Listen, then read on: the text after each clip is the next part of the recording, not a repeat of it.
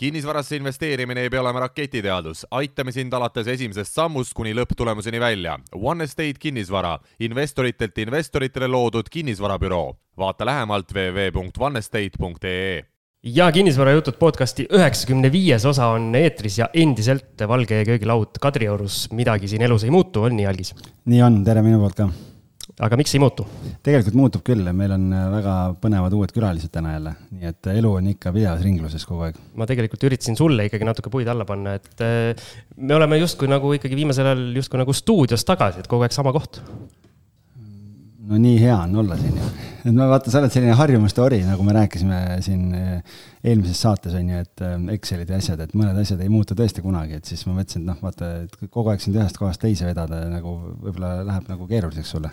õige, õige, nii, aga nagu sa ütlesid, meil on eh, taas suurepärased külalised ja ma nüüd ei tea täpselt mitmes kord, aga meil on kogu laua äär rahvast täis, ehk siis maksimaalne võimalik külaliste arv ehk kaks on täna koos meiega siin köögilaua taga istet võtnud. ja istuvad meie vastas siis, nagu nad iseennast soovisid nimetada, noored, kes liiguvad finantsvabaduse poole, Kalex Talisainen ja Eliis Mets, tervist. tere. tere. räägime siis ausalt ära, kui noored te olete? mina olen kahekümne viie aastane. ja ma olen natuke vanem, ehk siis kakskümmend kuus. Alex, on noored? Või vabandust, Algis on noored? on küll noored jah, on küll on küll jah. et ja kui me veel täna rääkima hakkame, siis nad selle, selle noore eaga on juba suutnud korda saata, siis seda, seda kadestamisväärsemaks muutub. ma juba meie kogemuse pealt äh, oskan öelda, et äh, enamus äh, sellest salvestuse ajast meil algisega on suur kadedus peal. Ka, kahetsuse tund. kahetsus ja kadetsus, kadetsus, kadedus, et miks meie nii vara ei alustanud no just, aga võib-olla hakkame sellest peale kõigepealt, et äkki räägite sellest, et me kinnisvara juurde jõuame, et millega te igapäevaselt tegelete? mina igapäevaselt äh, töötan juristina. Äh, lisaks siis äh, oma põhitöökohale annan loenguid Tallinna Majanduskoolis ning pakun ka siis konsultatsiooniteenust välismaale pürgivatele noortele ja sealhulgas siis olen juurde võtnud ka ülesandeid, haldan sellesama ettevõtte sotsiaalmeediat kas sul on kakskümmend neli tundi päevas või rohkem? endiselt kakskümmend neli, vahel läheb raskeks äh, ja arvestades ka seda, et tegelikult viimasel ajal on äh, ostetud korteritega päris omajagu tegemist, et siis äh, vahel jääb aega puudu. ma igaks juhuks küsin vahele ka, et kui meil siin jurist on laua taga, kas me algisega peame siis natuke oma väljaütlemisi nii-öelda vaka all ka hoidma või natukene vaatama, mis meil suust välja tuleb? mina kinnitan, et peab küll okay.. sulle anti memo kätte hommikul okei. Mhm, mhm. väga tore. Alex, räägi siis sina. räägi sina, me oleme vait rohkem no,. Minu... nii nagu me kodus harjutasime. no minu resümee nii, nii uhke ei ole, aga igapäevaselt äh, töötan ehitusvaldkonnas, Merko ehituses äh,. toimetan garantiitööde spetsialistina. ehk siis äh, lahendan elamu, elamuhoonete garantiimuresid ja lisaks, eh, nagu Algis ja Siim teavad, et eh, oleme kohtunud korvpalliväljakul, et mina olen siis see mees, kes jookseb vilega ringi. kindlasti mulle mõne tehnilise pannud kunagi et jah, sihuke korvpallikohtuniku hobi mul on ja lisaks nüüd ongi ikkagi kort-, nagu Eliis ütles, et korterite peale läheb meil ka päris omajagu aega ja sellest on ka juba sihuke, ütleme, korralik hobi kujunenud. väga äge ma mõtlen, ikkagi nii noorena, et noh, mina nüüd enam aastaid juba kossu ei, ei ole mänginud, et aga ma mäletan küll. Äh, Aleks, hakkab see vana mehe jutt. ma arvan, et Aleks ikka, kui, kui noorelt sa korvpallikohtunikuna alustasid? ma olin äh, neliteist, kui ma esimest korda vile suhu panin no.. mina mäletan Aleksit, kui ta noore poisina mängis ja mina veel vilistasin, siis oli, äh, siis panid tehnilise talle? panin, kindlasti panin, jah väga hea. aga jah, mul jäi üks, üks asi jäi veel ütlemata, et tegelikult äh, ma teen praegu ka oma magistriõpinguid, et ma loodan need ka siin lähiaastatel tehtud saada, et tundub, et teil tegevustest äh, puudus ei ole, et äh, aga ma lihtsalt, ma mõtlen nagu selle peale, et, äh, et kahekümne viiesena ja kahekümne kuuesena, et siin nagu päris palju on ette võetud, et vaba aega ka jääb või? vahepeal sellega on probleeme, et siis me oleme ikkagi proovinud enda jaoks nagu nädalas leida selle ühe päeva, kus me midagi ei tee. üldjuhul selleks on pühapäev minul on see natukene raskem seda aega maha võtta, aga siis vahepeal Alex tuletab meelde, et äh, nonstop sa ka nagu kuskile minnes ei jõua. päris huvitav on see, et sa oled kakskümmend viis, et kuidas üks kahekümne viie aastane neiu on juba ülikoolis õppejõud, et mismoodi see, need asjad käivad? sellega on hea lugu, et tegelikult ma laupäeval äh, sain siis pakkumise sügisest uuesti alustamiseks ja seal pakkumises oli ka kirjas, et viis aastat on vaja kogemust. Äh, siis me kodus naersime, et äh, järelikult mul see on, et ma ei oska öelda, lihtsalt tuli selline huvitav pakkumine ja võtsin selle vastu. ja kusjuures väga-väga meeldib see on põhiline, see on põhiline ju, et teha midagi, mis meeldib ka, et. meie, meie tänastel külalistel tegelikult on ka oma blogi, mida te peate, et teekond finantsvabaks on siis selle nimi, et me paneme selle täpse lingi notes idesse ka, seal on veel mingeid tundmatuid asju ka, millest ma ei tea, mis asi on Wix, Wix-site, kas see on mingi blogikeskkond? Jaa okay., minu vend Aha. uuris selle välja ja tegi Aha. meile selle põhja. ühesõnaga, kes äh, soovib sellel blogil silma pea, peal hoida, siis notes ides saate, saate lingi, aga mina küsin, et kus äh, üldse selline äh, soov ja, ja mõnes mõttes ka julgus tekkis, et hakata nii-öelda avalikult seda blogi pidama ja inimestele rääkima, kus te olete ja kuhu te jõuda tahate? blogi initsiatiiv on sada protsenti minu mõte, kuna ma olen selline inimene, kes paneb, kogu mu elu on kirja pandud ma igapäevaselt toimetan äh, to-do listide alusel. vahepeal proovin Alexit ka sinna suunas meelitada hetkel veel edutult aga jah, et tegelikult eelmine aasta ka, kui me aasta lõpus äh, arutasime, et mis siis aasta jooksul tehtud on, siis näiteks unus meil ära selline väike asi, et ma lõpetasin eelmine aasta magistriõpingud. ehk siis see näitab seda, et kui sa igapäevaselt pingutad oma eesmärkide nimel Äh, siis mingid asjad lihtsalt kipuvad meelest ära minema. ja siis me mõtlesimegi, et tegelikult oleks hea neid asju kirja panna ja nii selle blogiga siis äh, alustatud saigi. vaata, kui hea, siin mitte ühtegi vaidlust kodus ei teki, sellepärast et kõik asjad on kirjas kogu aeg, kes mida ütles, millal ütles ja siis selles mõttes ei saa öelda, et. ja kõik on kirjas, mida tegema peab, ma saan aru. jah, ja isegi need asjad, mida Alex tegema peab on ka kirjas on minul sellepärast kirjas. ta ei teegi to-do listi, et tal tehakse ära ju kusjuures ma olen seda öelnud, et kui mul on kõik kirjas, et miks ma siis ise pean midagi kirja panema, et aga ma usaldan oma aju rohkem no,. ei no super, väga äge ju ei noh, kui see niimoodi toimib kooslus, see on ju, see on ju äge, et. Äh, aga kus teil, äh, ma ei tea, kuidas ma seda küsin siis, äh, kas te juba nii-öelda tutvudes saite aru, et teil sellised nii-öelda ambitsioonid või need on nagu sarnased või kuidagi pidite üksteise, üksteise suhtes nagu kuidagi kombineeruma või adapteeruma? nurki oli vaja lihvida, et.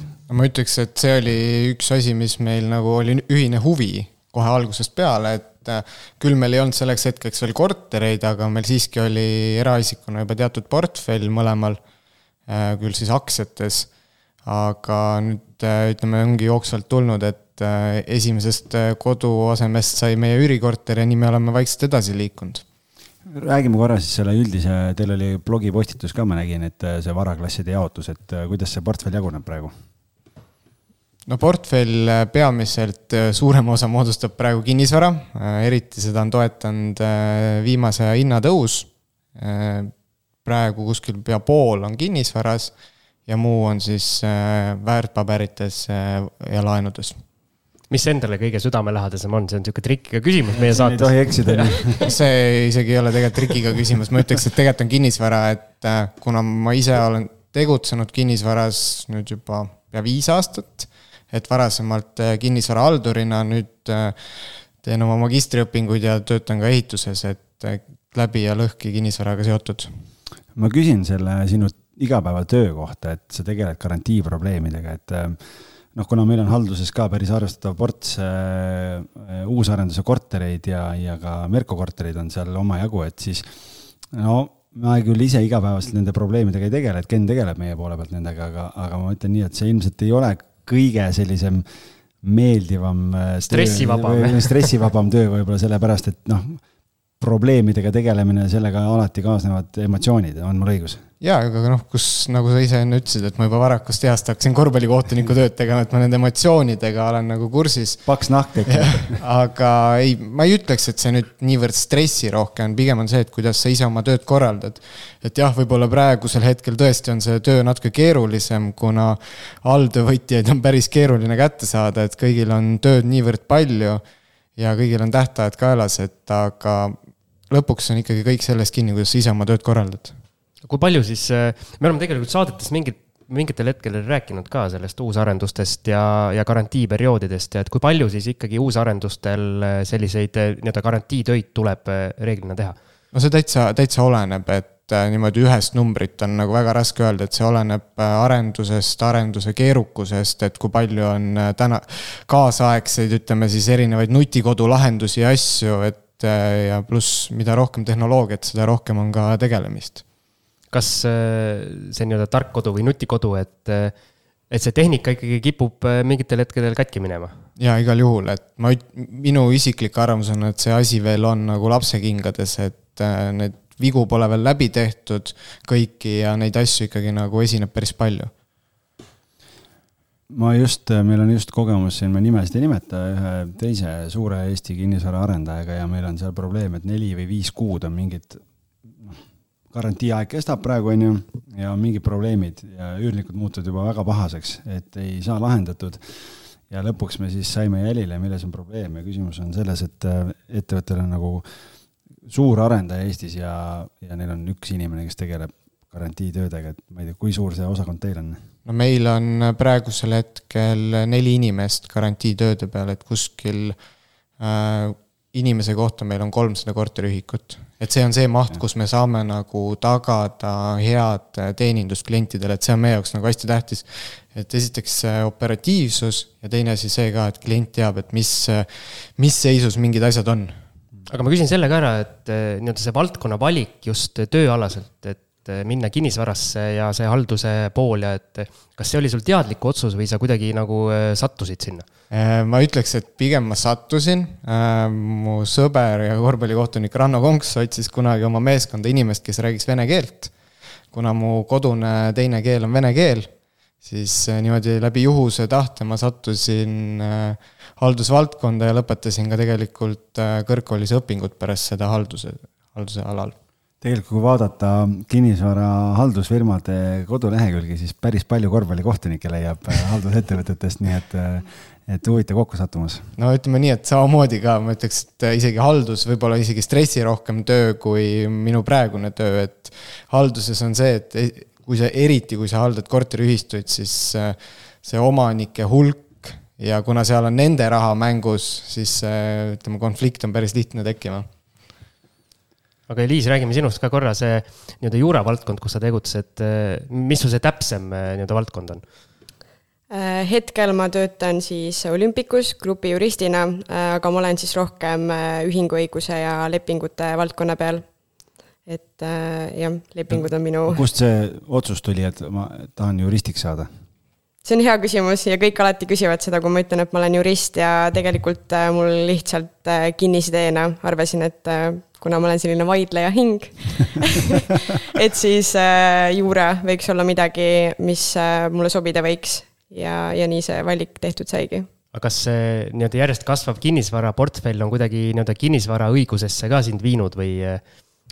Jaa, selles mõttes, et ikkagi, kui ma näiteks kasvõi üürilepingud on äh, sada protsenti minu teha, et siis ma ikkagi, kui ma hakkan neid jälle uuendama, siis ikkagi võlaõigusseadus on kõrval ja vaatan, et kas, kas midagi on muutunud, kas midagi vajab täiendamist, et, et jah, alati käin ikkagi läbi Äh, kinnisvara investorite, üürileandjate hulgas on selline nii-öelda, kuidas me ütleme viisakalt, mitteametlik, eh, mitteametlik soovitus kindlasti üürnikuks mitte juristi võtta, kas sa kirjutad alla sinna ma ei tea, ei ole veel üürnikut äh, juristi olnud, aga ma arvan, et äh, meil see kombo, et ühel on siis teadmised ehitusest ja teisel on siis juriidilised teadmised, et see on meile andnud päris sellise hea aluse, kust edasi minna. aga kui ma just mõtlen nagu selles vaatkon-, nii-öelda vaates, et äh, üürileandjana äh, üürilist juristina võtta või nii-öelda juristist üürilist, et äh, kas sa võtaksid ise, kui sina oled see vaidleja tüüp, teise vaidleja tüübi endale hallata siis? ilmselt läheks keeruliseks esimene küsimus on, kui helistatakse, et ta on korterit taotlenud, siis küsitakse, et ega te jurist ei ole aga räägime siis sellest ka, et kuidas te investeerimise juurde tee leidsite, et ähm, kes, kumb kumma siis nagu kinnisvarausku nakatas? Ma arvan, et tegelikult enne, kui me kohtusime, siis me mõlemad olime need äh, tugevad äh, teoreetikud, äh, kes olid lugenud läbi hulganisti raamatuid, aga siis ei olnud julgenud nagu seda esimest sammu veel teha. ehk siis siis, kui me tutvusime, siis kuidagi tekkis ka see julgus, et reaalsed esimesed sammud teha.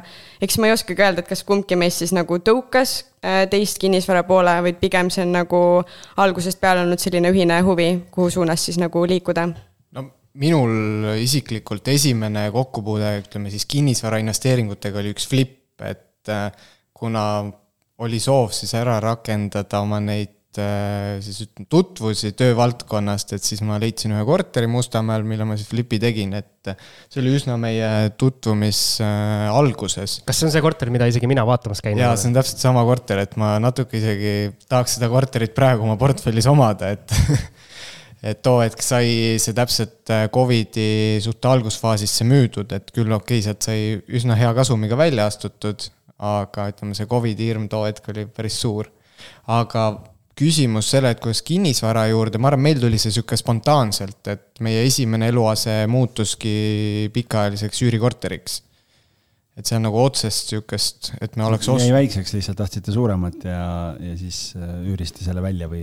meil tegelikult oligi plaan, et et äh, me otsisime uusarenduskorterit juba omale, et me kannatamegi seal ühetoalises nii kaua ära, et noh, see annab meile võimalikult suure säästmismäära, et me saame, ütleme siis kor-, kolida märksa suuremasse korterisse ja see plaan nagu meil õnnestus too hetk.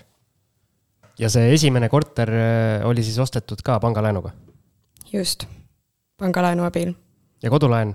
kodulaen. ja nüüd on kenasti korter üüril, mõnus äh, nii-öelda madala, madala kuumaksega pangalaen peal või? jaa, äh, selles mõttes, et äh, vahepeal siin tegime väikse refinantseerimise, et äh, kodulaenu veel juurde saada. nüüd meil on päris omajagu kodulaenusid, et aga kuna palk on siis vahepeal päris olulisel määral kasvanud, et siis tegelikult lihtsalt panka vahetades saime seda kodulaenu juurde, ehk siis meie esimene korter on ka kodulaenuga soetatud. mitu kodulaenu teil on? minul on kolm mul on kaks kuule, see on rekord. see on rekord, jah. meil on viie, viit. siin laua taga viite kodulaenu pole olnud äh, külalistel kunagi, jah. üks on ühine no, seal viie sees. siis on neli koma viis. jah, noh, neli koma, ikka on rekord.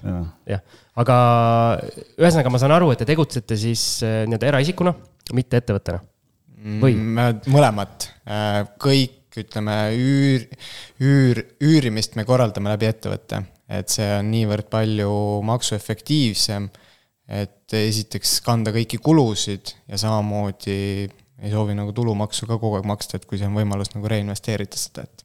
ja viimane korter on äh, soetatud äh, otse ettevõtte alla. kas siis tulevikuplaan ongi nii-öelda portfelli hakata ettevõtte all siis kasvatama, kuna ilmselt äh, nii-öelda kodulaenudel mingi piir on ees, kus te väga kaugel ilmselt ei ole? Äh, jaa, selles mõttes, et tegelikult äh, nüüd viimane korter tuligi siis meie ühise ettevõtte alla, kus, mis me, kus me siis edaspidi viime ka siis äh, teiste korterite haldamise. kindlasti väga paljudel alustavatel kuulajatel tekib see küsimus, et kuidas saab oma kui on eraisikuna ostetud korter panna ettevõtte alla, et seal on nagu erinevaid variante, et osa annab lihtsalt, ma ei tea, nulli euroga üürile ja üürib edasi või noh, mingi, ma ei tea, ühe euroga. ja väga paljud annavad tasuta kasutamise lepinguga ettevõttele kasutada korteri, mismoodi teie olete selle vormistanud? Äh, jurist räägib nüüd.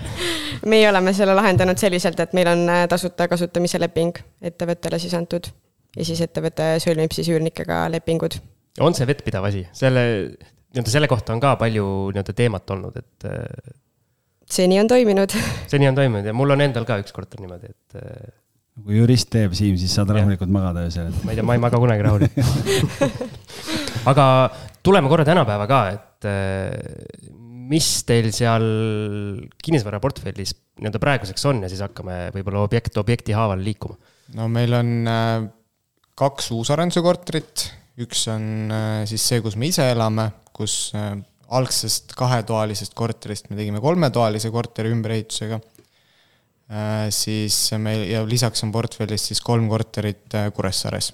Need kaks uusarendust on siis Tallinnas? Tallinnas, jah. okei okay., nii Kuressaare, ma siin juba tabasin ära ühe täpitähega yeah. kuidas ma ütlen, täpitähe, mitte veidruse, aga siis eripära, ütleme. mõnus, mõnus. jaa, eripära, et äh, ma saan aru, et äh, naispool on siis äh, saarelt. just, saarlane mm. -hmm. meil on jah, oma, oma siseinfo Saaremaalt olemas, et selles suhtes on nagu märksa lihtsam tegutseda. siseinfo on olemas, aga kas see nii-öelda nagu distants ei kohutanud, et ikkagi Saaremaale sõit ei ole selline, ütleme nii, et Raplasse minek no,. Mina... ja tegelikult jah, ikkagi oleme pool ajast oleme täitsa ise Kuressaares olemas. tegelikult äh, ideaalis me läksime veel rohkem, aga tuleb veel tööl käia ja töökohustused on Tallinnas, aga jah, me ise veedame väga-väga palju ajast äh, Kuressaares. no ja lisaks Kuressaare suur eelis on see, et äh, on olemas lennuühendus Tallinnaga. palju maksab üks ots? edasi-tagasi on alla viiekümne euro kaua see läheb siis? see läheb pool tundi läheb. Kuule, aga siis ongi nagu Rapla ju aga ainuke mure on see, et praegu on lennujaamades päris keeruline, et seal turvakontrolli siis Tallinnas läheb märksa kauem, aga noh, Kuressaares õnneks ei pea väga palju varem lennujaama minema, et seal järjekorda ei ole mis sorti lennuk sinna Kuressaarde käib, et kas see on mingi selline vändaga, mis käima lükatakse või vähe suurem nüüd, nüüd on, nüüd on juba palju suurem, et. vesilennuk, kõigepealt pead ise Ülemiste järve ujuma sinna ja siis sealt saad peale aga tegelikult? Ei, tegelikult on. korralik jaa, korralik lennuk, mis äh, vist lendab isegi, kui ma ei eksi, Helsingisse. et seesama lennufirma pakub seda teenust. et ei pea kartma, et. ei pea kartma, et enne oli küll kunagi selline lennuk, et äh, nägi, nägi, ütleme, piloodi aknast välja, et nüüd on juba täitsa sein vahele tekkinud. vähemalt siis nägi, et piloot on olemas ma saan aru siis, et Kuressaare on see lemmikpiirkond, äh, mitte Tallinn, kuhu tahaks kinnisvara osta? pigem on Kuressaares asi ka selles, et seal kahjuks on inimestel oluliselt väiksemad palgad, mis siis tegelikult tähendab ka seda, et inimestel ei ole laenuvõimekust. ja seda me siis äh, saime kinnitust äh, ka esimese korteriga Kuressaares, kus me kuskil kaheksa ajal õhtul panime üürikuulutuse ülesse. Äh, hommikul tõusime, kuskil kakskümmend inimest soovisid korterit. veel täpsustaks seda ka, et et äh, ütleme, kodulaenuga osta, siis kui Tallinnas see sisenemismäär on kuskil viisteist protsenti omafinantseering, siis Kuressaares on see kakskümmend. et see mängib ka nagu rolli. aga ikkagi nii-öelda kinnisvara hind kui selline on ikkagi od oluliselt odavam ju, eks? ta ikkagi on odavam, jah. mis need, ütleme, need kolm korterit Kuressaares, on need ühetoalised, kahetoalised, kui suured teil on need?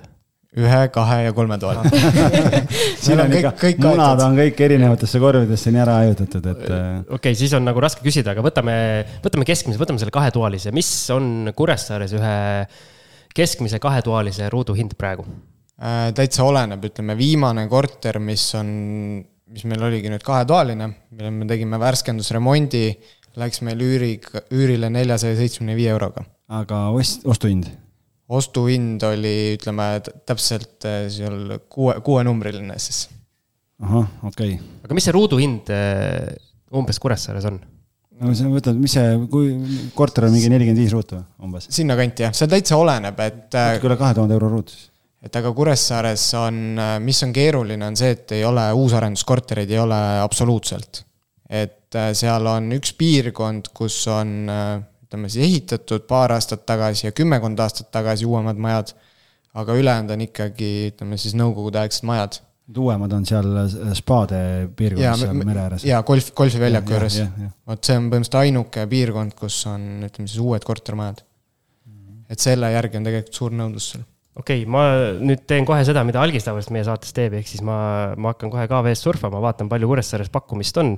aga, aga ütle sina, kui palju äh, korterit Kuressaares müüakse, kas teil on mingid äh, need äh, koputajad, koputajad on, on peale pandud, et midagi uut tuleb, siis kohe süda hakkab põksuma koos telefoniga. ja koputajaid on kõikides portaalides pandud, aga ma ütleks, et müüakse head kinnisvara vähe. et meie nagu moto on pigem see, et me ostame heas seisukorras kinnisvara ja pak-, proovime üürile anda kortereid, kus tahaks ise ka elada. täis sellist full renoveerimist tegema ei hakka, et äh, kui siis mingi kerge värskendus, äh, ma viimase korteri puhul nägin ka, mis te seal tegite, et, äh, et mingid kerged värskendused tegite ära ja mööbliga muutsite päris palju seda üldilmet, et et ma saan aru, et nagu päris sellist Siimu stiilis nii-öelda äh, puhtaks ja nullist äh, renoveerimist ei tee? no see täitsa oleneb, ma ütleks, et praegu see ehitusturg äh, ei soosi seda tegemist, et äh, ma ei näeks, et need numbrid nagu kokku jookseks. Siimul on üks hea ehitaja pakkuda, ta sai oma tööriistad tagasi Siimu käest jah, ma vahepeal jõudsin, kakskümmend üheksa korterit on praegu Kuressaare linnas müügil. ma muud ühtegi tingimust ei pannud. ja kõige odavam ruuduhind on Paku-Välgis. see on broneeritud, see korter. Tuhat kakssada? ei ole, üheksasada üheksakümmend üheksa. neljatoaline, ei tundu eriti heas. kas Aia tänav viiskümmend kuus on, on hea piirkond? ei me oleme ka ise seal tegelikult korterit vaatamas käinud. Äh, üks oli täitsa potentsiaalne, äh, seal siis äh, müüja ei olnud teadlik sellest, mis turul toimub ja oli nõus korteri müüma väga alla turuhinna, siis me seda korra kaalusime aga, aga jah, siis tal vist ikkagi keegi maakler käis seda vaatamas ja ütleme niimoodi, et hind tõusis hüppeliselt okay.. ikkagi maak-, maaklerid on ikkagi kurjast, et rikuvad häid tehinguid. õige, mulle see meeldib. Lähme edasi, lähme, lähme sama teemaga edasi. ma lahkusin aga tegelikult äh, selline, selline sweet spot äh, tundub, tundub olevat selline tuhat nelisada, tuhat viissada ruut, et siis on juba valikut rohkem. kas need on siuksed paneelikate mingid korterid siis jah? Tunduvad kõik vanad majad olevat jah, või noh, selles mõttes nõukaaegsed majad. aga kas te nüüd seda ei karda, et äh, kui te siin saates olete ära käinud, siis Kuressaares enam ei olegi võimalik midagi head osta? ei karda, ütleme ausalt, et ega lõpuks, kui tekib turule rohkem hea üürikinnisvara pakkujaid, siis see võib-olla muudab ka natuke seda üldilmet, eriti Kuressaares et praegu oligi, et mingi hetk panime kuulutuse üles, et siis inimesed hakkasid kirjutama, et aga miks nii kallis, noh, et siis sa üritadki nagu neile ära selgitada, et me tahamegi pakkuda teile nagu paremat asja. kui see tavaline, ütleme kahetoaline, mis on veel nõukogude sisustusega, et sihuke retrovärk. et sihukest nagu retrot me ise nagu ei taha inimestele pakkuda mis retrol viga on, küsivad kaks vanameest. vanameest küsivad, nostalgia ei meeldi või Re? retro on tore, aga jah, ütleme inimestele, me tahaks nagu pakkuda sihukest, et kus tahaks ise elada. Teil on äh, see üks, äh, üks korter siin Tallinnas ka üüril, et kas on mingi põhimõtteline vahe ka, kui te annate korteri Tallinnas üürile versus siis Kuressaares? Äh, Kuressaare inimesed on ausad ja palju soojemad, et Tallinnas ikkagi ei saa inimest nii usaldada nagu Kuressaares. et Kuressaares on ka see, et kui, kui ma ütlen potentsiaalse üürniku nime, siis äh, vanaema teab juba eluloo ära rääkida et jah, see kogukond, ma ei oleks kunagi uskunud, et see nii nagu võimas on. et kui Tallinnas äh, Liisiga näiteks ringi käime, et siis ta ei üt-, mina ei ütle talle, et näe, vaata, tallinlane, aga alati mulle öeldakse, et näe, saarlane, saarlane, et et ikkagi kõik teavad nagu kõiki. aga ma ütleks, kõige suurem vahe, mis on Tallinna ja Kuressaare vahel on tootlusnumbrid. et eh, küll võib-olla väärtuse kasv on Kuressaares natuke väiksem kui Tallinnas, aga need tootluse numbrid on eh, väga kardinaalselt erinevad. Te jälgite puhast üüritootlust või vaatate omakapitali tootlust või mida te vaatate? oma, omakapitali tootlus on meie jaoks see tähtis number kui te Tallinnasse üürnikku otsite, kas te teete nii-öelda keeleproovi ka, et öötäht peab ikkagi ära tulema minul oli seal üldse raskusi, et oleks sai enamike üürnikega suhelda, sest et enamik äh, üürile tahtjaid olid siis äh, vene keelt kõnelevad isikud. jah, see korter asub Lasnamäel, et äh, õnneks, õnneks mul sellega nagu probleemi ei ole, et siis sai sai, sai selle keelega kõik asjad aetud. turueelis jälle, sellepärast et Siim ei saa omale vene keelt kõnelevaid üürnikke võtta, sest. seepärast ma peangi kõik need loomad ja lapsed ja kõik, kõik sisse lubama, kuna vene keel nii, nii kavarju. sa võid alati mulle helistada, et äh, ma tõlgin. mul äh, viimase, viimase korteriga oli täpselt selline, ma nüüd ei tea, ilmselt ta oli ukrainlane, kes siis helistas oma töökaaslasele ja suhtlus käis niimoodi, me olime põhimõtteliselt põsk põse vastas, vahel oli telefon ja siis äh, telefonis oli üks inimene, kes suutis vene keeles rääkida ja suutis eesti keeles rääkida ja siis me suhtlesime. ei taha sellist kogemust väga. aga jah, sa puudutasid sihukest, ütleme, üüri, üürituru trendi, ukrainlasi, et siis ma ütleks, et meie viimase korteriga ka, et kui ma selle kuulutuse ülesse panin, siis äh, mul tuli päris palju kõnesid just nagu ukrainlastelt. Kuressaares? jah, mis oli minu jaoks ka nagu üllatus okay et küll osad äh, ei osanud välja lugeda, et see asub Kuressaares, aga päris palju oli ka, ütleme, Kuressaares huvilisi vot puudutame seda teemat meil natukene siin ühes eelmises vestluses, mis vist küll eetrisse ei läinud eelmise saate salvestusega seoses, tekkis äh, ka nagu arutelu, et kuhu teie panete näiteks oma üürikuulutused, kas te Facebooki põhimõtteliselt kasutate? Ainult Facebooki Ainult kasut- Facebook, jah. kasutamegi Okei. okay.. Tallinnas ikkagi me panime ka KV-sse, aga Kuressaares lihtsalt äh, Facebookis on äh, see põhitegevus, et Kuressaares me oleme ainult Facebooki kasutanud. kuidas te tunnetate, kas Facebookis tuleb hästi palju selliseid eh, nii-öelda tühjasid päringuid ka, et keegi nagu kirjutab ilma suurema huvita või siis ei saagi aru, et see korter tegelikult ei ole Tallinnas näiteks, on, on hoopis kuskil mujal? no natuke ikka tuleb, aga noh, see ma ütleks, et käib asja juurde, et äh, lõpuks, kui sul on, suudad ära selekteerida need reaalsed huvilised ja nendega seal kokku saada, et siis see ei ole nagu nii, niivõrd suur halduskoormus jah, sest me Siimuga arutasime seda, et me oleme ka ju siin katsetanud erinevate korteritega ja, ja seda kontakte ja suhtlust on meeletult, aga tulemust on ülivähe, et lihtsalt see ei ole nagu kuidagi nagu korrelatsioonis omavahel. no mina isiklikult näiteks Facebookist olen loobunud eh, ja panen ainult KV-sse. ja olen nagu just, just seetõttu, et ei pea vastama nendele inimestele, kes ei saa aru, et, et korter ei ole Tallinnas. meil on tegelikult üks hea nipp, mis me ise nüüd ära kasutasime, et me tegime iga korteri jaoks äh, eraldi infolehe, kus meil on kõik korterit puudutav äh, info on ühe PDF-i peal ehk siis, kui inimesel tekivad mingid küsimused, näiteks kas lemmikloomad on lubatud, siis, ma neile, siis ma saadangi selle talle selle faili mm, -hmm. ehk siis ta saab sealt failist, ta näeb kaardi pealt, kus see asub, ta näeb, palju see maksab, mis on tingimused.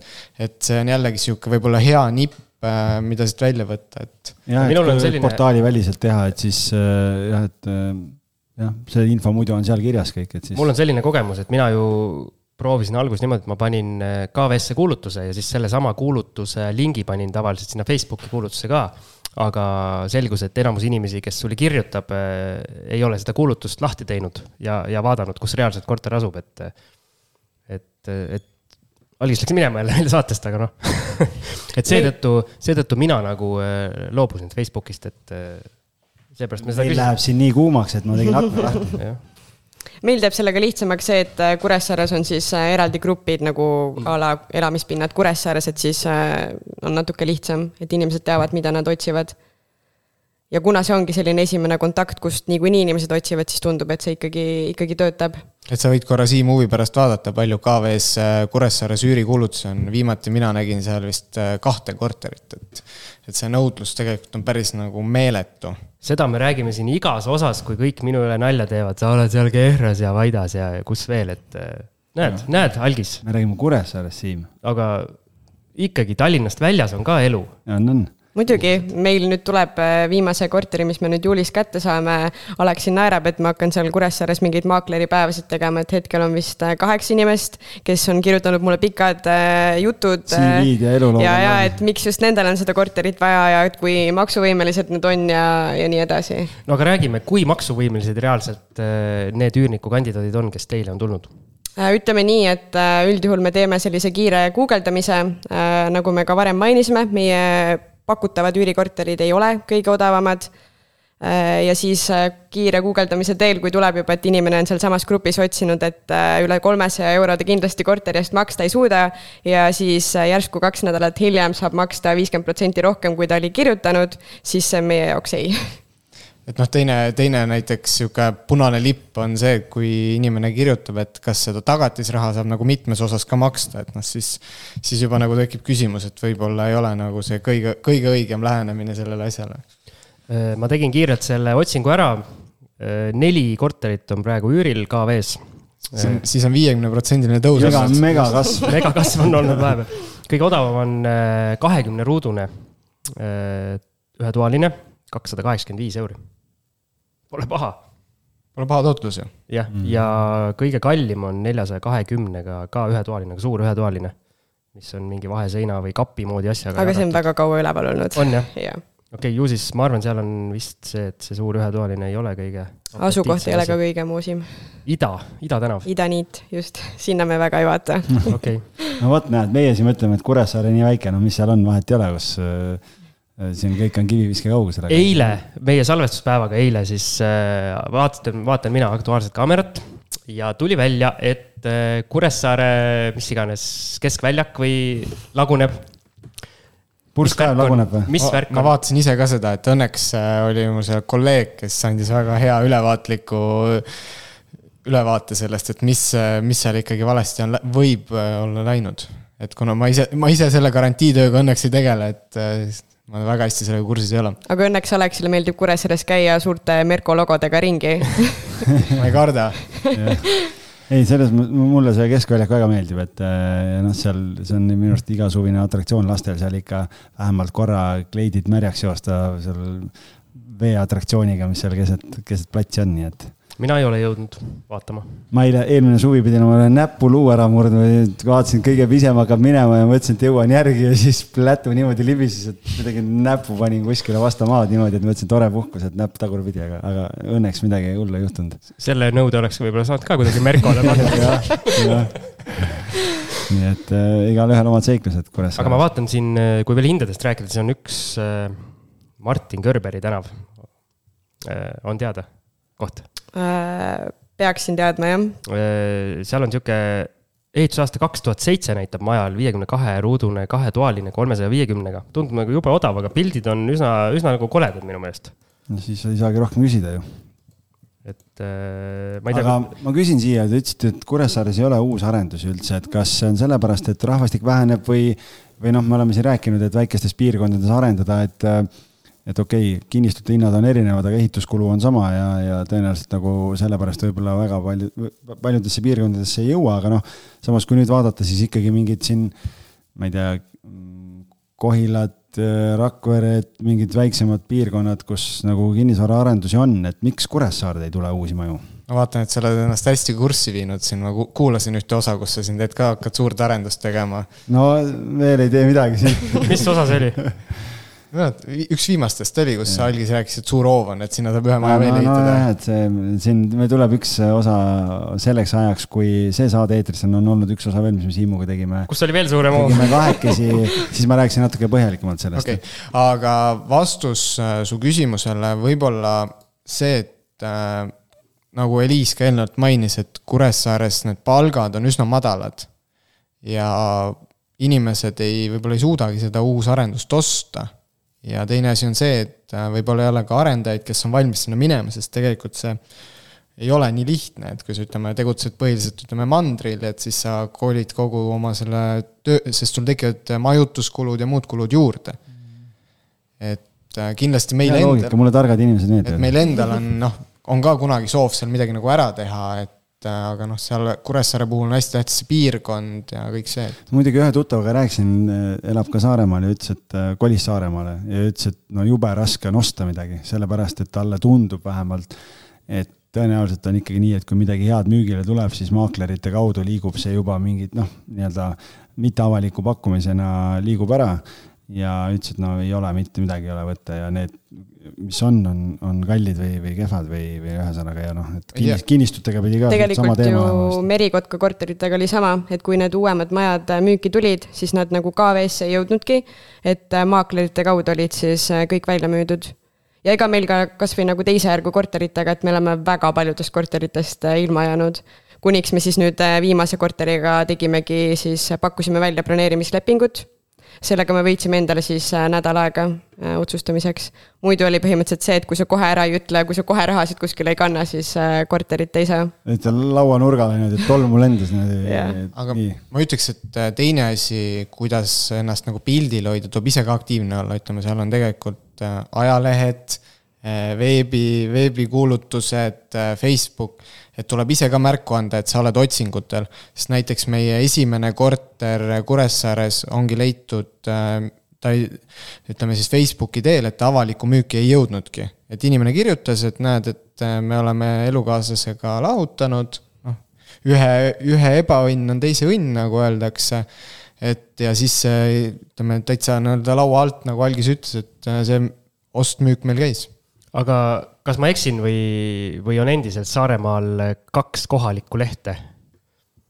ühte enam ei ole. ühte enam ei ole jah? Ei. okei okay,, ma olen ajast maas, aga kas selline vana kool ka toimub, et ongi reaalselt eh, nii-öelda trükitud mingi Saarte Hääl või mis iganes? Äh, Saarte Hääle sinna internetivormi siis me oleme pannud ja sealt ikka helistatakse ja paberlehti ei ole pannud. ei ole. noored vaatasid omavahel üksteise otsa, mis asi see paberleht ma just mõtlesin, et kuidas me sihukese asja oleme läbi lasknud, et me sinna pole jõudnud no vot, näed, me andsime hoopis siin turunduskanali kätte noortele, kust No vot, hakkab tulema neid letialuseid pakkumisi. aga tead, enne kui mul on veel üks hea küsimus, me teeme ühe väikese kõllipausi. ja võtame lonksu vett ja algis saab võib-olla oma kauaoodatud söögi ka ära süüa see on sisenali, sellest me rohkem ei räägi. las ta olla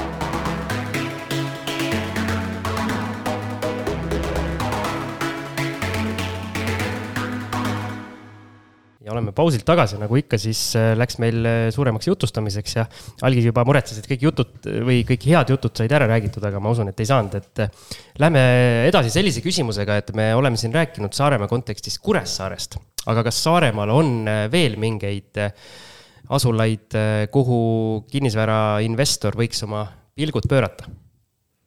kindlasti on, aga meie ei ole seda proovinud, küll aga kui me viimati Saaremaal olime, kus me käisime?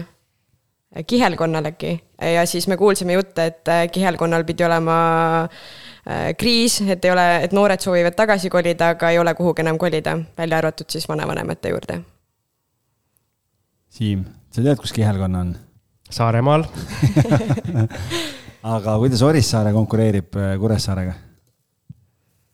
jään täitsa vastuse võlgu, ma arvan, et meie Kuressaarest välja korterite ostmisega ei, ei kavatse laieneda et see läheb nagu, seda me ei suuda hoomata, lihtsalt ma kardan, et kui see jääb liiga laiaks ja ma ütleks, et Orissaare ei konkureeri, et ma arvan, et Saaremaal üldse ükski linn teineteisega ei konkureeri, et ma tahtsin eh, seda, mul üks küsimus alati on see, et noh, et kui keegi distantsil ostab korterit, et mismoodi see halduspool nagu välja näeb, aga noh, Alex muidugi enne ütles ära, et siin ja siis, kui mikrofonid kinni olid vahepeal ka, et noh, et arutasime, et Siim sõidab Kehrasse autoga siin pool tundi või kauem kolmkümmend viis, nelikümmend mintsi. Alex ütles, et lennukiga läheb sama, sama aeg äh, Kuressaarde, et siis kui mingi mure on, lahendate ise või sul on äh, seal pere koha peal, kes aitab või kuidas? tegelikult see? mõlemad äh, korterid on üle antud nii, et me ei ole ise Kuressaares käinud, vaid mul armas ema läheb ja mängib maaklerit, kui vaja, teeb meiega väikse Facetime kõne ja kõik küsimused saavad lahendatud. et tema on ka kinnisvarausku nüüd nakatatud siis? Nakatame kahjuks ei jää muud üle. ja viimane kord vist oli isegi isa kaasas, et äh, sai ka paar sõna seal sekka öelda. no vot, no vot, siin on, varsti on. oma müügimeeskond olemas. äri, äri kasvab jah, et. ma natukene nii-öelda laiendasin oma neid otsinguid vahepeal, kui te siin rääkisite tarka juttu, siis äh, üüri, üürikuulutustes, kui võtta kogu Saaremaa, siis tuli üks üürikuulutus juurde, muuseas, mis on juba broneeritud saja kahekümne euroga Tornimäel Äh, vajab sani-, sanitaarremonti ja üsna kole korter on. aga keegi läheb sinna elama. ei vaja sanitaarremonti, vaid tegelikult vajab nagu rohkem. Äh, oot, mis ma ütlesin? sinna saan remonti, aga minu, no okei okay, jah, no see, mida ta vajab, see on iga inimese maitse, maitse järgi erinev. aga müügikulutusi siin saab isegi mm, viieteist mm, tuhandega, aste alevik Alex, läheb kohe. kas sa oled astes käinud? jah ma arvan, me läbi oleme ikka sõitnud astest, et aga. Saikla, tuleb tuttav ette uh,? ei, ei tea nii, Astes on päris palju müügil. Saaremaa on ikka suur, Siim, ega see ei ole mingi, ega see mingi. konnatiik ei ole. ei ole jah, aga jah, suurem osa on ikkagi Kuressaare linn ja kõik muu on äh, natukene, natukene sinna juurde. nojah, näed, ma saan ka targemaks. no pigem on, ütleme, Kuressaarest väljas on äh, maatükid kõik, mis ütleme, mereäärsed äh, ja majad. ma arvan, et sa võib-olla valet otsingut kasutad, et jah ja.. kuidas, kas Kuressaarel ja Pärnul on nagu sarnasusi ka selles suhtes, et, et kui kui suur see Airbnb turg on, et, et Pärnus on ju see mudel, et suvel on lühiajalisel üüril ja sügisest läheb pikaajalisse, et olete te seda poolt ka kaalunud, mõelnud, uurinud? Me tegelikult jah, proovisime, me isegi panime Airbnb-sse kuulutuse ülesse, aga me tegime seda samaaegselt, kui me panime ka üürikuulutuse ülesse.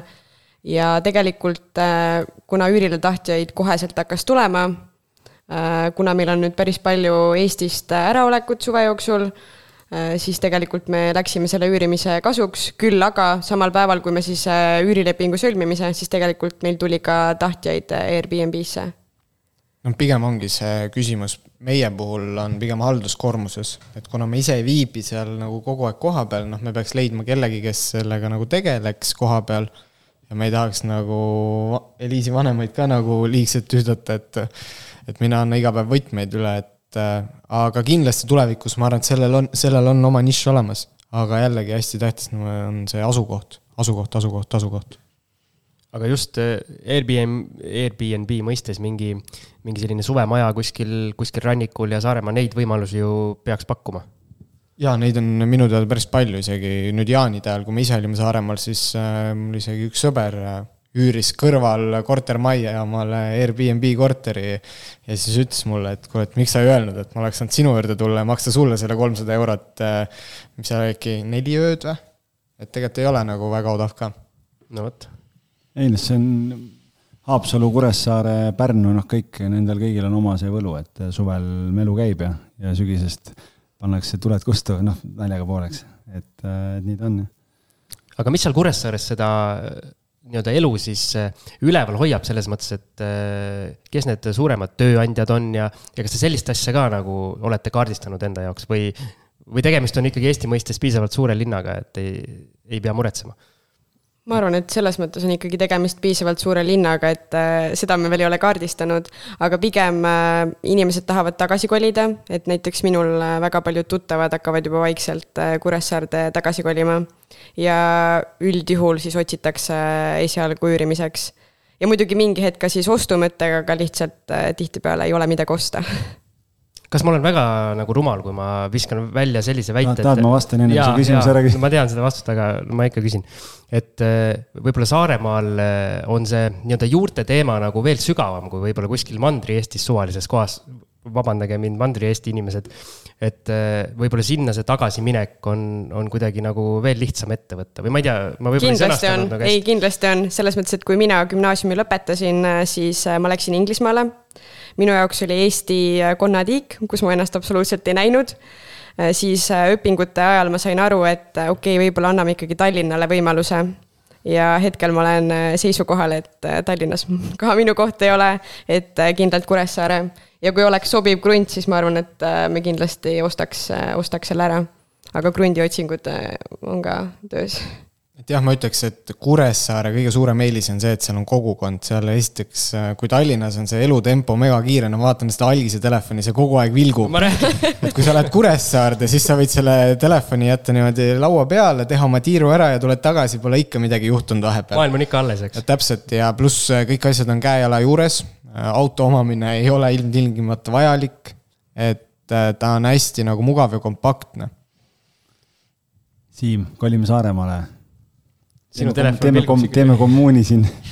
ei, ei., mitte koos sinuga aga muidu pole viga, jah. jah, sest et Aleksi esimene kord äh, Kuressaarde minnes, me sõitsime keskväljakule sisse, Aleksi esimene küsimus.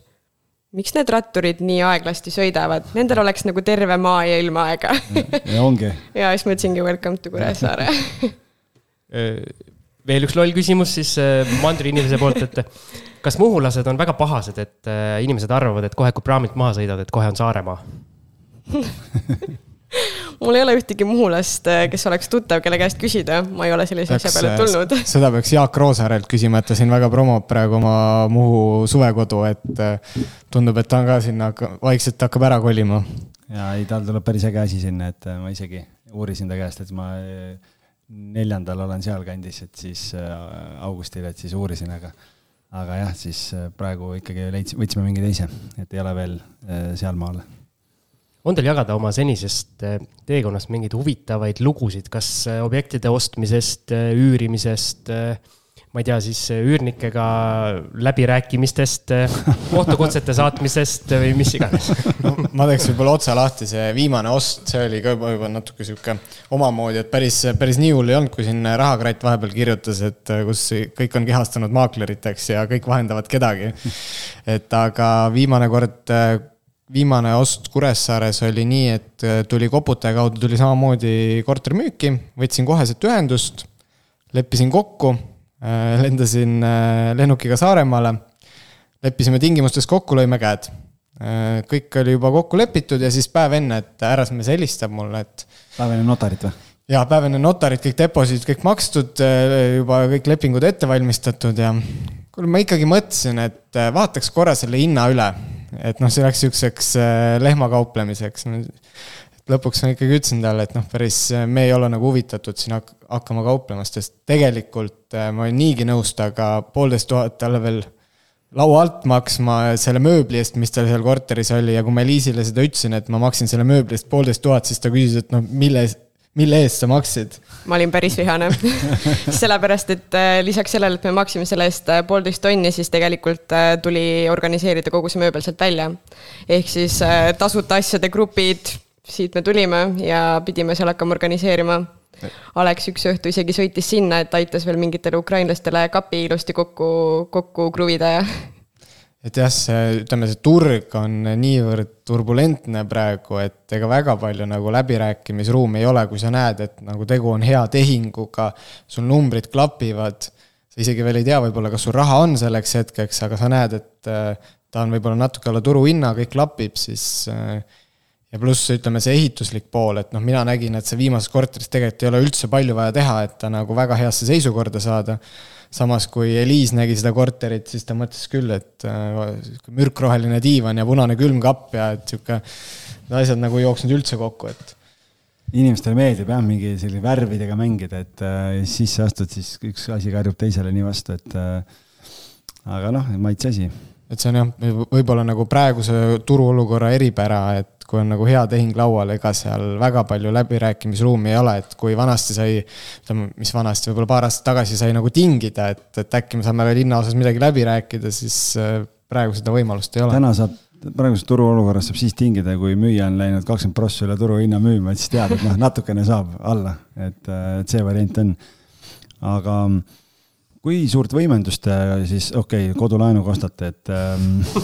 tuli meelde ka et aga ma küsin niipidi siis, ma ei tea, kas Alex saab sellele vastata või ei saa, aga sa ütlesid, et noh, et, et mõnikord on nii, et hakkad ostma ja veel ei tea, kas raha on koos või ei ole või kust, kust saab, et. et kui kodulaenuga ostate, et, et siis ähm, ma saan aru, et, et mõnikord on vaja ka sellist äh, välist tuge või abi, et oma finantseeringu summa kokku saada, et kuidas sellega asjad on? ma kõigepealt ütleks vahele nii palju, et äh, mis mulle Aleksi puhul meeldib ja millest ma alguses üldse aru ei saanud. Äh, kui oli esimene flip, siis ta kohe leidis teise sobiva korteri. ma teadsin, et tal ei ole seal pangakontodel nagu mitte essugi. ja sisuliselt Alex ütles, et raha leiab alati, raha ei ole maailmast otsas ja nüüd mul kuidagi ka on nagu täiesti seesama mindset, et äh, raha leiab alati, lihtsalt ise pead olema leidlik. küsimus ongi lõppkokkuvõttes selles raha hinnas, et äh, kas need numbrid jooksevad äh, nende asjadega välja. et ega raha, raha leiab alati, et see ei ole nagu probleem olnud üks asi tegelikult, mis ma tahtsin kohe pärast pausi, pausi küsida, aga Algis kindlasti segas vahele ja kindlasti segasin, jah. me oleme rääkinud hästi palju sellest üüriportfellist ja üüri, üürivärgist, aga puudutasime seda Mustamäe flippi ka korra, et kui palju te flippe teinud olete tänaseks? see, see ongi ainuke. see on ainus või? see, no ütleme, okei okay,, kui me viimase korteri võib-olla võime ka pool flipi sisse arvestada, sest me ikkagi tegime ta täitsa seest puhtaks, tegime siuksed mõningad äh, remonttööd, aga täisflipp on üks et see pigem. nagu müügiga lõppenud ikkagi yeah. renoveerimine, okei okay.. tegelikult on ju teine ka, aga lihtsalt seal, äh, seal sa ei jõudnud nagu selles mõttes midagi korteris teha et.... seal, seal jah, mul oli üks, äh, ütleme siis, kui Covidi kriis tuli, siis äh, tuli üks Mustamäel üks kahetoaline korter ka oli käes aga siis natuke võttis jahedaks, et võimendus oli päris suur ja ütleme, päris kallis ka teine, et siis sai see müüki paisatud ja sai sealt õnneks puhta jalaga välja astutud. aga noh, tagantjärgi oleks natuke suutnud kannatada. on see korter praegu, ma kujutan ette, mis hinnaga see on aga olete mõelnud äh, mingite flipide peale ka? Äh, flipide koha pealt ei ole, ma olen vaadanud, aga minu jaoks ei jookse numbrid kokku, et äh, praegusel hetkel ehitushinnad on niivõrd kõrgeks läinud, pluss materjalihinnad on kõrged. et väga raske on neid asju nagu saada lappima. aga need, mis sa vaadanud oled, kas, kas Flipi mõistes on Kuressaarde mingit pointi vaadata või siin pigem olete vaadanud Tallinnat? Mm, pigem ma olen vaadanud Kuressaaret sest äh, ütleme nii, et Tallinna need äh, renoveerimata korterid hakkavad juba uutele korteritele järgi jõudma, et äh, noh, seal ma ei, ma ei näe, ma lihtsalt ei näe seda ruumi, et mille arvelt see peaks tulema, et et see pigem on niisugune ennustamine, et see korter peaks siin tõusma, selle, see hind peaks tõusma nüüd selle flipi tegemise jooksul. aga Kuressaares samamoodi ei jookse numbrid välja. aga ütleme nii, et mina olen proovinud seda, me ise siin nimetame nii-öelda mugavusflipiks, et sa näed mingit ebaefektiivsust, kasutad selle ära, näed, et mingi asi on nagu turuhinnast selgelt odavamalt äh, müügil. kui te Kuressaare turgu nii aktiivselt jälgite, kas te olete näinud mingeid selliseid asju, kus või siis mida nagu üürikorteriks võib-olla ei tahaks portfelli, aga näete, et see on nagu selgelt äh, nii-öelda alahinnatud, et äh, ostame ära, müüme, müüme kohe edasi, teeme seal võib-olla midagi natukene, ongi mööbel, võib-olla seinad, midagi hästi lihtsat ja no selliseid ebaefektiivsusi on näha. no ma ütleks, et see viimane korter oli tegelikult sihuke ebaefektiivselt, et ta ruuduhind tegelikult oli madal ja ütleme, see summa, mis me sinna sisse pidime panema, ei olnud ka suur et noh, ma arvan, et kui me selle oleks edasi müünud, siis me oleks kindlasti teeninud, aga noh, meie eesmärk oli. noortel on küüned enda poole, kõik tahab endale jätta et noh, ütleme nii, et kui alati midagi efektiivsemat leiab, noh siis on võimalik ju realiseerida, aga praegusel hetkel see tundus kõige mõistlikum lahendus. räägime sellest ajateljest ka, et te olete üsna kiirelt liikunud. Alex siin rääkis ka, mul on see oh teie memo oli ees mingi hetk tagasi, aga nüüd läks. ühesõnaga seal Covidi ajal olid need flipid sul Mustamäel, eks, või see flip ja eh, kuidas siis need üürikorterid järjest sinna Kuressaarde on tulnud, räägi, niikaua kui ma uuesti üle, üles leian teie selle äh, esimene korter tuligi nii, et me olime just Tallinnas oma uusarenduse korterisse sisse kolinud. ütleme niimoodi, et see oli väga stressirohke protsess, sest et just oli ka esimene üürikorter üürile antud siis omavahel me olime juba natuke raksus ja siis sisuliselt vist läks kaks nädalat pärast äh, sissekolimist, kui Alex saatis mulle korterilingi. Või tähendab siis need pildid, sest et see ei tulnud läbi lingi, on ju. saatis pildid, et, et kuule, see on täitsa, täitsa okei okay, tundub. ja siis sisuliselt äh, läksimegi Kuressaarde vaatama äh,, sobis kõik. see toimus siis äh, detsembri alguses siis me tegelikult teadsime, et äh, minul äh, tänu töökoha vahetusele äh, vabanes veidikene laenuvõimekust, ehk siis juba jaanuarist me hakkasime otsima uut korterit, kõikidest potentsiaalsetest me jäime ilma, sest et lihtsalt turg on selline, ja siis mai esimeses pooles, teises pooles saime siis teise korteri Kuressaares lukku ja siis läks jälle kuskil paar nädalat mööda, kui Alex saatis mulle lingi, et kuule, üks on veel, mis, mis, mis võiks sobida ehk siis need on kõik väga-väga järjest tulnud. ehk siis sisuliselt poole aastaga natuke rohkem siis kolm korterit. just. Ja teie memos on iga selle korteri lõpus on kirjas, et no siis me arvasime, et nüüd võtame vähe pikema pausi. jah, et ega me ei ole, ütleme, otsinud niimoodi, kus me, me ei ole pea ees vette hüpanud. et kui ütleme, asjad kokku jooksevad, siis me oleme nagu alati valmis tegema aga samas praegu nagu on muid tegemisi ka nagu päris omajagu ja nagu Eliis ütles, et et äh, pärast seda oma kodu ostu, et see oli ka tegelikult päris nagu omaette protsess, et. Äh, kuna me salvestame juulis praegu, siis äh, mul on ettepanek noortele, et kui see teie osa üles läheb kuskil seal augusti alguses, siis pange link või info update sinna kommentaari alla ka, et mitte olete vahepeal juurde ostnud jah, sest et Aleksiga kehtib see, et ta ütleb küll, et okei okay,, nüüd võtame rahulikult, et nüüd võtame aja maha ja puhkame ja siis ikka praegu ka ikkagi korterite linke tuleb päris sagedasti. sa pead need portaalidele plokid peale panema seal, et ei, ei saa avada. et jah, nagu osadel on see, kui on kasiinosõltuvus, siis mul on see portaalide sõltuvus sind siin äh, tähtsates dokumentides on nimetatud äh, sarisurfajaks lausa KV portaalis, et äh, tunnistada, tunnistada. ja see protsess on põhimõtteliselt niimoodi, et äh, siis, kui äh, Alex saadab äh, korteri lingi, siis läheb paar minutit mööda ja siis tuleb see tasuvusarvustus, arvutuse tabel, et kas numbrid jookseksid kokku ja kui palju on mängimisruumi ja siis minu käest küsitakse vaid, et mis oleks potentsiaalne üürisumma. et siis ta saab seal mingid paar numbrit ära, ära muuta. aga ma küsingi siin, mis see otsustuse puhul siis kaalukeeleks on, et mis numbrit te täpselt vaatate, et vaatate seda, et üür kataks laenumaks ära või, või mis mis see peamine kriteerium on mm.? mida sa seal tasuvusarvutustes, arvutustes vaatad? kõige tähtsam on, mis tuleb omakapitali tootlikkus, et äh, ole, oleneb. protsentide jah, noh jah, mis ütleme, meil on äh, kaksteist pluss on see omakapitali tootlikkus, mida me püüame, noh viimaste korteritega on see tulnud kõrgem, mis on iseenesest positiivne. aga jah, ütleme niisugune kaksteist protsenti ja teine asi, mida me vaatame, on see, et ta oleks ehituslikult heas seisukorras. et see on nagu, üks asi on need numbrid aga teine asi on see nagu korter ise ka, et äh, kui ma ikkagi pilte vaatan, siis noh, ma tean juba nagu mingil määral, mida vaadata. et ma näen kohe ära, et kui seal on mingid probleemid, siis noh, see mind nagu ei kõneta väga. kas te kortermaja olukorda ka vaatate? Ehm, oleneb jah, täitsa, aga asukoht on pigem tähtsam.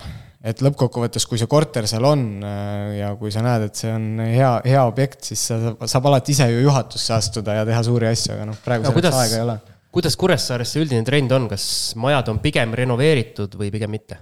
pigem tõusev trend, et äh, viimane korter, mis, või tähendab eelviimane, kolmetoaline siis, et seal on tehtud äh, full renoveerimine majale. seal on jah, tervik kõik, kõik, kõik, et äh, mis iseenesest on jällegi hea. kui palju su tööalane igapäevane see garantiimurede ja asjadega tegelemine sind aitab või häirib siis, kui sa lähed isiklikku kinnisvara ostma, et et, et kas seal löövad rohkem emotsioonid sisse või oled nagu tööalaselt nagu ratsionaalne ja lähed ja vaatad ikkagi üle, et, et mis silm, mis silm hakkab? pigem mina olen ratsionaalne, Eliis on see, kes, kellel hakkavad emotsioonid äh, hindab hästi palju seda, et asjad oleksid ilusad. ja tegelikult ongi, et kui me oleme mingeid kortereid vaatamas käinud, siis äh, korter võib olla pilt ilus. Äh, mina juba seal ütlen, et jaa, läheb tehinguks. sa otsid juba üürilist. ja, ja siis, äh, kui astume korterist välja, siis Aleksil on, et ei, siin on nii palju, kõik on valesti seda ei, seda ei kannata teha. et silm nagu tabab selle ära, kus on, ütleme siis, soss-sepad on peitnud mingeid muresid. lipi peal, lapp lapi peal. jaa, täpselt, et selle, selle nagu tabab su suht kiiresti ära ja võib-olla teine asi ongi see, et äh, kui sa näed ära, et mis, mis see nagu, mis maht sul seal taga on, et noh, näiteks viimase korteri puhul oligi see, et ma tean tööalaselt, kui suur see maalritööde maht on, et tegelikult ja mis see maksab, et noh, ma taban kohe nagu selle ära, et, et pigem on niisugune ratsionaalne meel ikkagi. no vot, et siin emotsionaalne ja ratsionaalne inimene peavad koos käima, et et nii ta läheb, Siim läheb ja põsed õhetavad, et viskan seal pole ratsionaalsusega midagi tegemist. ja, jah, seda sa räägid muidugi. aga on teil mingid äh, kaugemad eesmärgid äh, investeerimises äh, üldiselt ja võib-olla siis konkreetselt kinnisvaras, et kas saategi nii-öelda Kuressaare investeerimis- või siis üürimoguliteks, et kes Kuressaares tahab korterit üürida, siis mujalt pääsu ei ole, kui teie käest võtta? sellega juba väike kogemus meil oli, et äh, meile kirjutati siis äh, viimase korteriga, kus me juba tegelikult siis tekitasime eraldi meiliaadressi, äh, kuhu saab siis, kuhu tulevikus saavad siis üürnikud kirjutada. kirjutas siis üks välismaalane siis ma vastasin talle, et äh, kahjuks on korter juba läinud, et ei ole võimalik vaatama tulla. siis ta avastas teise korteri äh, kuulutuse ja kirjutas mulle isiklikule meilile. Äh, paari minuti pärast tuli jätkumeil, et oi, te olete vist seesama isik, kes mulle just vastas, ega teil veel ei ole midagi, mille vahel valida et pigem minu, ütleme, võib-olla ka meie see isiklik soov on see, et saaks oma üürimaja ära teha et see oleks. no see, näed, Siim, no näed. see oleks, see oleks nagu. nüüd lähen mina pigem... laua tagant ära ja algisega siis saate. nüüd hakkame rääkima alles. noh, pigem äh, ma näen, ma näen seda, et Kuressaares on hästi palju puudu sellest, et sihuke just nagu hea kinnisvara, hea üürikinnisvara. aga sina siis mõtled päris nagu nullist arendatud äh, enda poolt? jah, igal juhul, et seal on äh, niivõrd palju eeliseid, et noh, kui me vaatame siin suuri Eftenit, et see asi toimib ja pluss teine asi, kaovad ära need omanike vahelised vaidlused, mis on korteriühistutes. et miks muidu, ütleme, Saksamaal kogu see asi nii püsti seisab, noh. no vot, algis. siis varsti teame, et on, on üks ilus üürimaja. ja nagu öeldi, siis raha pole ju maailmast otsa saanud, et selle taha ei tohiks asi jääda. jah, no asjad peavad klap-, asjad peavad klappima, et see ja ütleme nii, et arutuid riske ei tahaks ka võtta, et see see võib endale nagu, ma sain aru, et Siim ei saa öösiti magada, mina, mina küll tahaks magada, et. aa, ei, mul on teised põhjused, miks ma saa ma mõtlesin, sul Vaidas olid seal ju huvitavad üürilised, et mõtlesin, sa nüüd kardad, et tulevad järgmised. selles osas äh, sa nii-öelda korvpallikohtunikuna tead väga hästi, mida rohkem tegutsed, seda paksem nahk äh, endal tekib, nii et äh, see on jah ma arvan, et äh, selles, äh, me oleme siin saates ka rääkinud, et selles äh, nii-öelda valdkonnas tegutsedes varem või hiljem ja pigem varem sa satud mingite jamade otsa. ehk siis igal juhul tuleb selleks, selleks valmis olla, et ma saan aru, teil on seni üürilistega hästi läinud, jah? no meil on hästi läinud ja ma arvan, et me oleme ise ka olnud piisavalt aktiivsed selle koha pealt, et üürnikud teavad, mis on lubatud, mis ei ole. ma arvasin, et mul ka teavad et et ja noh, kui sul ikka jurist on kõrval, siis on nagu hea, et see nagu haamer on kaasas, et kuigi viimane kord, kui me siin käisime, et me proovime siis äh, teatud aja tagant siis korteris käia, näiteks Tallinnas see uusarenduse korter, mis meil on, et on vaja vahetada filtreid. filtreid, just. ja siis me plaanisime ka siis äh, terrassi ära õlitada. Äh, läksime siis sinna, ütleme niimoodi, et ma olen puhtuse friik ja kui ma seda korterit nägin, siis ma olin väga õnnelik, et ma võtsin ka koristusvahendid kaasa. ehk siis äh, üürnikud said tasuta äh, täieliku koristusteenuse sa reaalselt koristasid? ma reaalselt koristasin WC-potti, dušiklaase, ma ei salli nagu sihukest äh, räpasust. noh, lõppkokkuvõttes tegu on nagu meie varaga, et ja, ja ütleme, eesmärk on hoida selle väärtust ja isegi võib-olla kasvatada. et noh, võib, võib nagu paluda üürnikel mingeid asju teha aga noh, ütleme näiteks eh, ma kummutaks seda müüti, et kõik räägivad, et üüriinvestoriks olemine tähendab seda, et sa pead minema öösel kuhugi mingit ummistust likvideerima või mingeid torusid kinni keerama, noh, tegelikult see ei ole nii, et sul peab olema lihtsalt eh, hea tutvusringkond ja vajadusel teadma ja ära selgitama ka üürnikele, kuhu nad pöörduma peavad, sest üldjuhul on kortermajadel olemas haldusfirmad, avariinumbrid, et eh, noh. On... sind ei oota reaalselt keegi seal mutrivõtmega lõpuks ei, ei ootagi, et lõpuks tuleb see asi üürnikul võimalikult hästi ära koordineerida, tehagi talle võib-olla mingi ülevaade mingitest tähtsatest numbritest või mis küsimustest ta kuhu peab pöörduma. tegelikult see halduskoormus ei ole nii suur, eh, kui siin nagu räägitakse, et eh, jah, ta ei ole nagu üdini passiivne investeerimisviis, aga. ma nõustun, tegelikult noh, ja me rääkisime siin ju eelmises episoodis ka eh, Bidrento teenustest ja asjadest ja kuidas kõike seda saab tegelikult veel sünkroniseerida omavahel siin üürnike muresid ja asju ja kõike seda poolt, nii et, eh, et kes, kellel see saade kuulamata, siis soovitan kuulata, kuulata selle saate ka ära. me oma. hakkasime põhjalikumalt neid asju. me oma külalistelt, kes nii-öelda paarina siin käivad, et eh, minu teada te olete kolmas kolmas paar, kes koos asju teeb. ei julge pead anda. okei okay,, ma ka ei julge siis, aga ühesõnaga, me oleme küsinud, äh, ma tean, et äh, kuidas te nii-öelda just äh, siis omavahelise suhtluse selles mõttes olete, olete paika pannud, et, et ei tuleks liiga palju seda tegevust nii-öelda tavaellu või ütleme siis, ei võtaks siis tööd liiga palju koju kaasa, kui me seda väljendit kasutame, et sellega on keeruline, et ma arvan, et äh, me oleme asjaga alles nii alguses, et äh, me kuidagi veel proovime seda tasakaalu leida, et äh, hetkel ikkagi me räägime väga palju sellest. ja kuidagi erinevaid mõtteid, nüüd seoses blogiga ma kogu aeg nagu viskan õhku jälle mingeid mõtteid, mida ma tahaks, kuidas ma tahaks. samamoodi Aleksil, et selle tasakaalu leidmisega me kindlasti veel mingeid näpunäiteid jagada ei saa ma saan aru, et teil seda probleemi ei ole, et üks pool peab teist nagu kuidagi kaasa tõmbama või ahvatlema sellesse valdkonda sisenema. Äh, aga tihti on niimoodi, et. blogi, blogi puhul natuke on. okei, Liis ei kuulnud seda.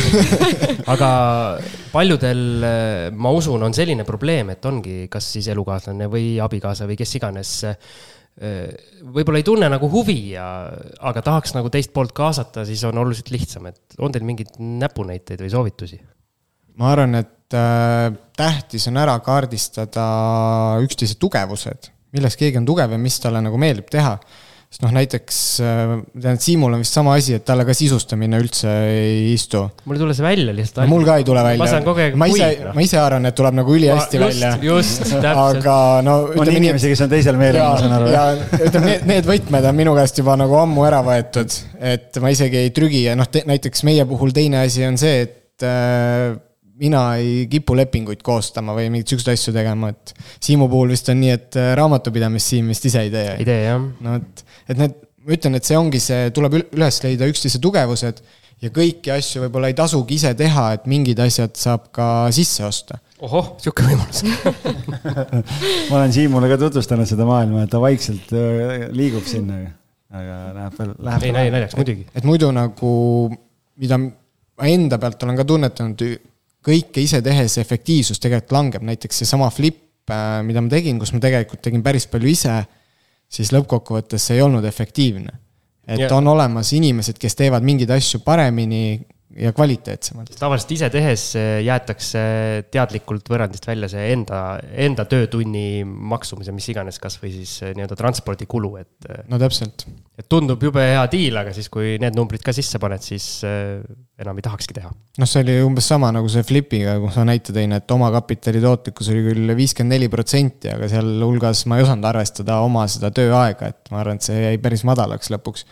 Aga noh, lõpuks see oli hea kooliraha tulevikuks, et äh, üldse näha, mis seal paneelmajade sees äh, toimub, et see ükskord tasub äh, igal kinnisvarainvestoril ära teha, et kes, kes tahab toimetada, et. ma olen ka seda meelt, et nii-öelda algus ise tegemine ei ole nagu selles mõttes halb, et igal juhul kogemusi tuleb, igal juhul sa saad targemaks ja siis sa tead nagu tulevikus, mida sa nõuad ka nendelt inimestelt, kelle teenust sa nii-öelda sisse ostad et sa oskad ka panna paika, et mida sa ootad neilt. et see on üldjuhul, ongi see, et sa ei oska võib-olla arvestada, et mingi töö sõltub ka teisest tööst, näiteks a la viimistlus või kipsitööd sõltuvad elektritöödest, et äh, need asjad nagu saada õigesse jonksu. algisel oli lihtsalt minut aega suu lahti, ta vaatas, äh, nii tarka juttu räägite. ma lihtsalt vaatan ja kuulan ja imestan ja mõtlen, et nagu puhas kuld okei okay,, ja siis äh, meie viimased kuulsad küsimused, mis on äh, algise poolt välja mõeldud, väga originaalsed, et äh, mis on teie peamised õppetunnid, mida te soovitate just sellistele nii-öelda algajatele, kellel võib-olla on suur tahtmine, aga ei ole olnud julgust või võimalust seda esimest sammu veel teha nüüd tagantjärgi me oleme mõlemad rääkinud, et äh, oleks võinud alustada palju-palju varem äh, seda kõigega, nii investeerimisega, korterite ostmisega, blogi alustamisega. ehk siis ma ütleks, et tuleks alustada siis, kui sa veel selleks sada protsenti nagu enda peas valmis ei ole üks küsimus, mis mul võib-olla tegelikult jäi alguses, alguse poole küsimata, et selle blogiga seoses ja isegi selle saatesse tulekuga seoses, et kas te seda nii-öelda äh, tähelepanu ei karda, sest te blogi ju peate ka nii-öelda avalikult. esialgu meil tegelikult oli mõte, tähendab, Aleksil oli mõte, et äh, teeme seda sada protsenti anonüümselt, ehk siis me ei pane kuskile oma nime taha. Äh, minu mõte oli see, et äh, näiteks mind ei huvita blogid, mind ei huvita kontod, kus ei ole nagu seda isiklikku kogemust taga. ehk siis, kuidas sa jagad midagi endast, kui sa nagu ei ütle, kes sa oled ja Alex natukene põikles sellega alguses vastu, aga mulle tundub, et talle nüüd sobib see. kuigi ta ise nagu natukene väidab veel vastupidist, aga ikkagi silmist ma näen, et äh, ta on pigem rõõmus. samas sa Tuvi blogi loed, nii et. tõsi, aga üldjuhul vaata, igat reeglit kinnitab erand. Tuvi-suguseid sõnaseepasid ei ole väga palju, et Alex ise kommenteeri seda olukorda, kuidas sind siis ära räägiti? ma arvan, et äh, eks mulle anti aega seda seedida, seda asja, et äh, lõppkokkuvõttes äh, ma arvan, et tähtis on teha head asja, et kui teed asja ausalt ja hästi, et siis võib seda ka jagada teistega. aga mida ma soovitaks, ütleme, alustajatele omalt poolt, on see, et ärge jääge kinni raamatutarkustesse, et lõppkokkuvõttes need praktilised kogemused ja see annab nagu selle aluse ja, ja arusaama, miks mingeid asju tegelikult seal raamatutes kirjutatakse või selgitatakse. ja sa, samuti, kui sa, ütleme, eksid millegiga, kui sa teed midagi, siis sa oskad ka otsida juba lisainfot, ehk siis tegelikult sa arened läbi selle palju rohkem. no nüüd on Siim sõnatu. nüüd oled sina sõnatu või? aga ei, väga, väga head nõuanded, selles mõttes on nagu ma ütlen just, et ma arvan, et väga paljudel on või noh, nii, meil on nii palju käinud läbi sedasama, mis, mis sina ütlesid, et, et oleks pidanud varem alustama, et kõik, kes lõpuks on alustanud, on öelnud, et damn, miks, miks nagu varem ei teinud, et. algisel pesab ka juustesse halli sisse ja mõtleb, et ah,. no ma just mõtlen, ikka me oleme siin enne ka käinud kahekümne viieseid et, et, et oleks ma omal ajal aga no mis teist enam küsimus on pigem selles, et kui pikk on äh, mingi asja tegemise horisont. ütleme, kui sa tahad üüriinvestor olla pikas jooksus, siis tegelikult ei ole selle nii suurt vahet, mis hinnaga sa ostad. et kõik kardavad seda, et äh, ma ostan täna ja homme see asi kolmkümmend protsenti kukub. aga samas suure tõenäosusega üürimaks jääb ikka samaks ja kui see horisont on kümme aastat, siis see tõuseb ikkagi sinna tagasi, et noh, meil on ka hea näide, et äh, esimene korter, kus öeldi, et ah, te ostate liiga kallilt, et hinnad kukuvad aasta pärast kolmkümmend protsenti, noh, reaalsus on see, et äh, on teistpidi läinud, et need hinnad on tõusnud kolmkümmend protsenti. ja Teist, rohkem veel. ja teise korteriga oli täpselt samamoodi, et äh, kui sain hindamisakti, hindamisakt oli madalam, siis ma vaatasin, et noh, see asi ei klappinud, sest see oli tehtud kuue kuu taguste tehingutega võrreldud ja võrreldud oli võrreldamatuid asju ja, ja siis äh, lõppkokkuvõttes on seesama korter, mulle öeldi ka, et noh, sa oled hull, hüppad pea ees vette. aga noh, me teadsime seda, et see on pikk horisont ja praeguseks hetkeks on seesama Kuressaare korteri väärtus tõusnud üle kolmekümne protsendi, et noh, ei tasu nagu karta seda, et hinnad kukuvad, et lõppkokkuvõttes kui sa teed kinnisvara, ütleme siis investeeringu, siis see ei ole su igapäevane raha, mida sa pead kasutama. vaid sa hakkadki, tegelikult sa püüad sealt saada rahavoogu ja eriti, kui sul on võimendusega, siis äh, sa maksad ju laenu tagasi, lõpuks asi jääb sulle. Neid äh, ootajaid kannustab see mõte, et ähm, kukub kolmkümmend protsenti varsti ja ma saan varsti sellesama asja kolmkümmend protsenti odavamalt ja küll ma siis olen või sees. aga neid ootajaid on juba aastast kaks tuhat neliteist umbes, algis, on? või ma arvan, et osad on aastast üheksakümmend neli, kes ootavad. ootab siiamaani? jah ja., tõenäoliselt on neid ka ju. jah ja ega kui need hinnad kukuvad, siis ega kui sa kasutad kodulaenu, siis ega pankade tingimused lähevad ka raskemaks, keerulisemaks on laenu saada.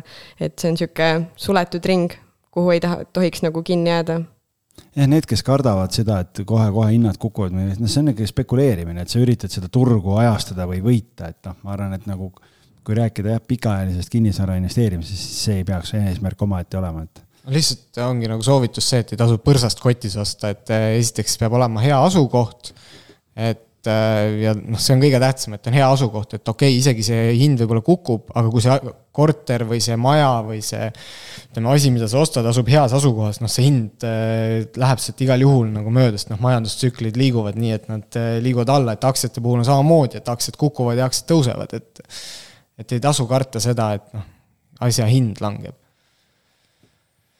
Väga hea. super. on sul veel küsimusi? ei, kas meil jäi midagi rääkimata, midagi hästi tarka? kõik tark sai räägitud? ma arvan küll. ma ei tea, kui tark see nüüd oli, aga jah, võib-olla midagi, midagi, midagi nagu on sihukest, mis võib-olla teistele kannustab, et. väga äge, mulle meeldivad äh, noored inimesed, hakkamist täis äh, noored inimesed äh,, nagu me siin korduvalt saates oleme öelnud. noored inimesed nagu meie jah ja., täpselt. väga hea. kuule, aga suur tänu, et te tulite. Aitäh et, kutsumast. ja, ma ütleks ka aitäh kutsumast ja kui kellelgi on mingeid küsimusi, et võib julgelt meie poole pöörduda, et äh, Siim vist lisab meie blogilehe ka, et just, ei pea, ei pea kartma meid. otsige üles Instagramis, Facebookis, igal pool on nad olemas, nii et saate jälgida seal päris kihvtilt kajastate oma, oma tegemisi, nii et just. olen, olen isegi ja kui keegi tahab siseneda Kuressaare üüriturule, nagu äh, kuulda võite või võisite, siis äh, Alex ja Eliis ei karda konkurentsi, vastupidi, see aitab ka, aitab ka neil äh, nii-öelda veel paremini silma paista, ma saan siis aru. just. ja, et igal juhul, võtke ühendust, kui kellelgi on küsimusi Kuressaare osas. super, mina varsti küsin, kus, kus Kuressaare asub, aga okei okay,, see oli halb nali lõpetame ära olge mõnusad siis. olge mõnusad jah, ja kuulake meid ikka edasi. tšau. tšau, tšau. Kinnisvarainvestoritele loodud kinnisvarabüroo, aitame sind alates esimesest sammust kuni lõpptulemuseni välja. vaata lähemalt www.onestate.ee